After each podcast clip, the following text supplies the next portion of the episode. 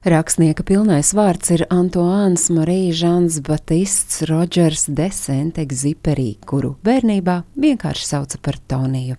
Viņš piedzima Francijā Lionā 1900. gada 29. jūnijā augstdzimušā katoļu mužnieku dzimtā. Viņš bija trešais bērns piecu bērnu ģimenē. Antoāna tētis mūžībā aizgāja, kad mazajam Tonijam bija viena četri gadi, un tad gan ģimenei sākās grūti laiki. Naudas trūkums trūkumu gan bērniem kompensēja kopā būšana, un brāļi ar māsām esot sadzīvojuši ļoti draudzīgi. Turklāt māma bērnos centās ieaudzināt mīlestību pret grāmatām un literatūru. Viņu sarunas bieži vien bija par mākslas vērtību. Vienlaikus Antoāns bija ļoti aizrāvies ar tehnoloģijām. Egziperī mācījās kristiešu skolā Lionā, pēc tam jēzuītu skolā Montrē, izglītojies arī Šveicē. 1917. gadā, 17 gadu vecumā, viņš iestājās Parīzes tēlotāja mākslas skolas arhitektūras fakultātē. Vēlāk cerēja iestāties jūras licejā, taču, diemžēl, neizturēja atlasi. Pēc tam, kad Antoāns zaudēja savu brāli, viņš ļoti noslēdzās sevī, bet jau kopš bērnības viņš sapņoja par debesīm. Pirmo reizi debesīs, vārdu vistiešākajā nozīmē, viņš pacēlās 12 gadu vecumā, kad bija ekskursijā lidlaukā. Pirmais lidojums bija tik liktenīgs, ka viņš saprata, debesis un lidošana būs viņa dzīves galvenais mērķis. Tāpēc diezgan likumsakarīgi, ka viņš nokļuva aviācijā.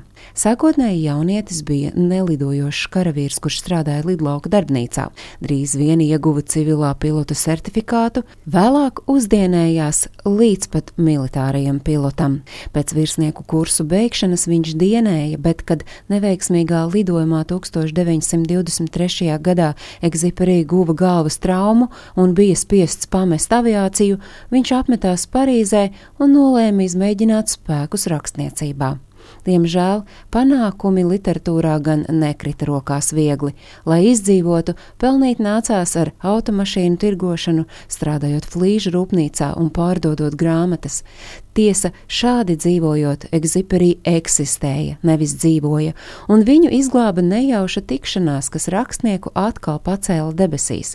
Viņš kļuva par pilotu pasta piegādes uzņēmumā, kāpa pa karjeras kāpnēm un strādāja gan Buenos Airesā, gan Kasablankā, arī Eiropā, strādājot pasta avio sabiedrībās. Egziperī aizrāvās arī ar ekstrēmiem sporta veidiem, kļūstot par izmēģinājuma pilotu. Viņa dzīvība vairāk kārt bija briesmās. Reiz Egziperī izdzīvoja pateicoties ūdenslīdējiem, citkārt avarējot tuksnesī viņu izglāba beduīni. Smagākais negadījums piedzīvots lidojot no Ņujorkas uz ugunszemi, kad pēc lidmašīnas avārijas pilots bija vairākas dienas komā.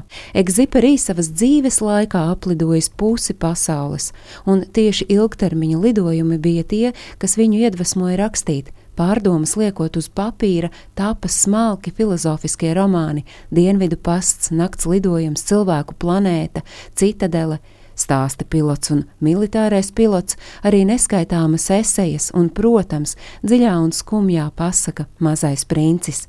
Viņa darbi ir saistīti ar debesīm un aviāciju, jo tas bija viņa aicinājums. Viņš dalījās ar lasītājiem savā pasaules uztverē, kas bija radusies pilota acīm skatot pasauli. Egziperī nāve ir noslēpumiem apvīta.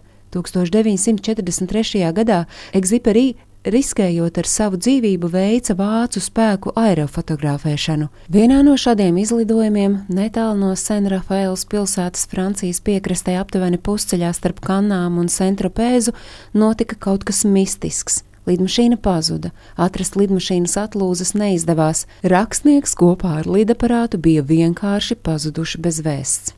Tika pieļauts, ka lidmašīnai radies tehnisks bojājums, ka Sent-Egziperī gājis bojā virs Alpiem. Vēl bija viena versija - rakstnieks esot nobijies un dezertējis, bet tai gan neticēja neviens, kurš viņu pazina. Stāstīja Agnese Drunka.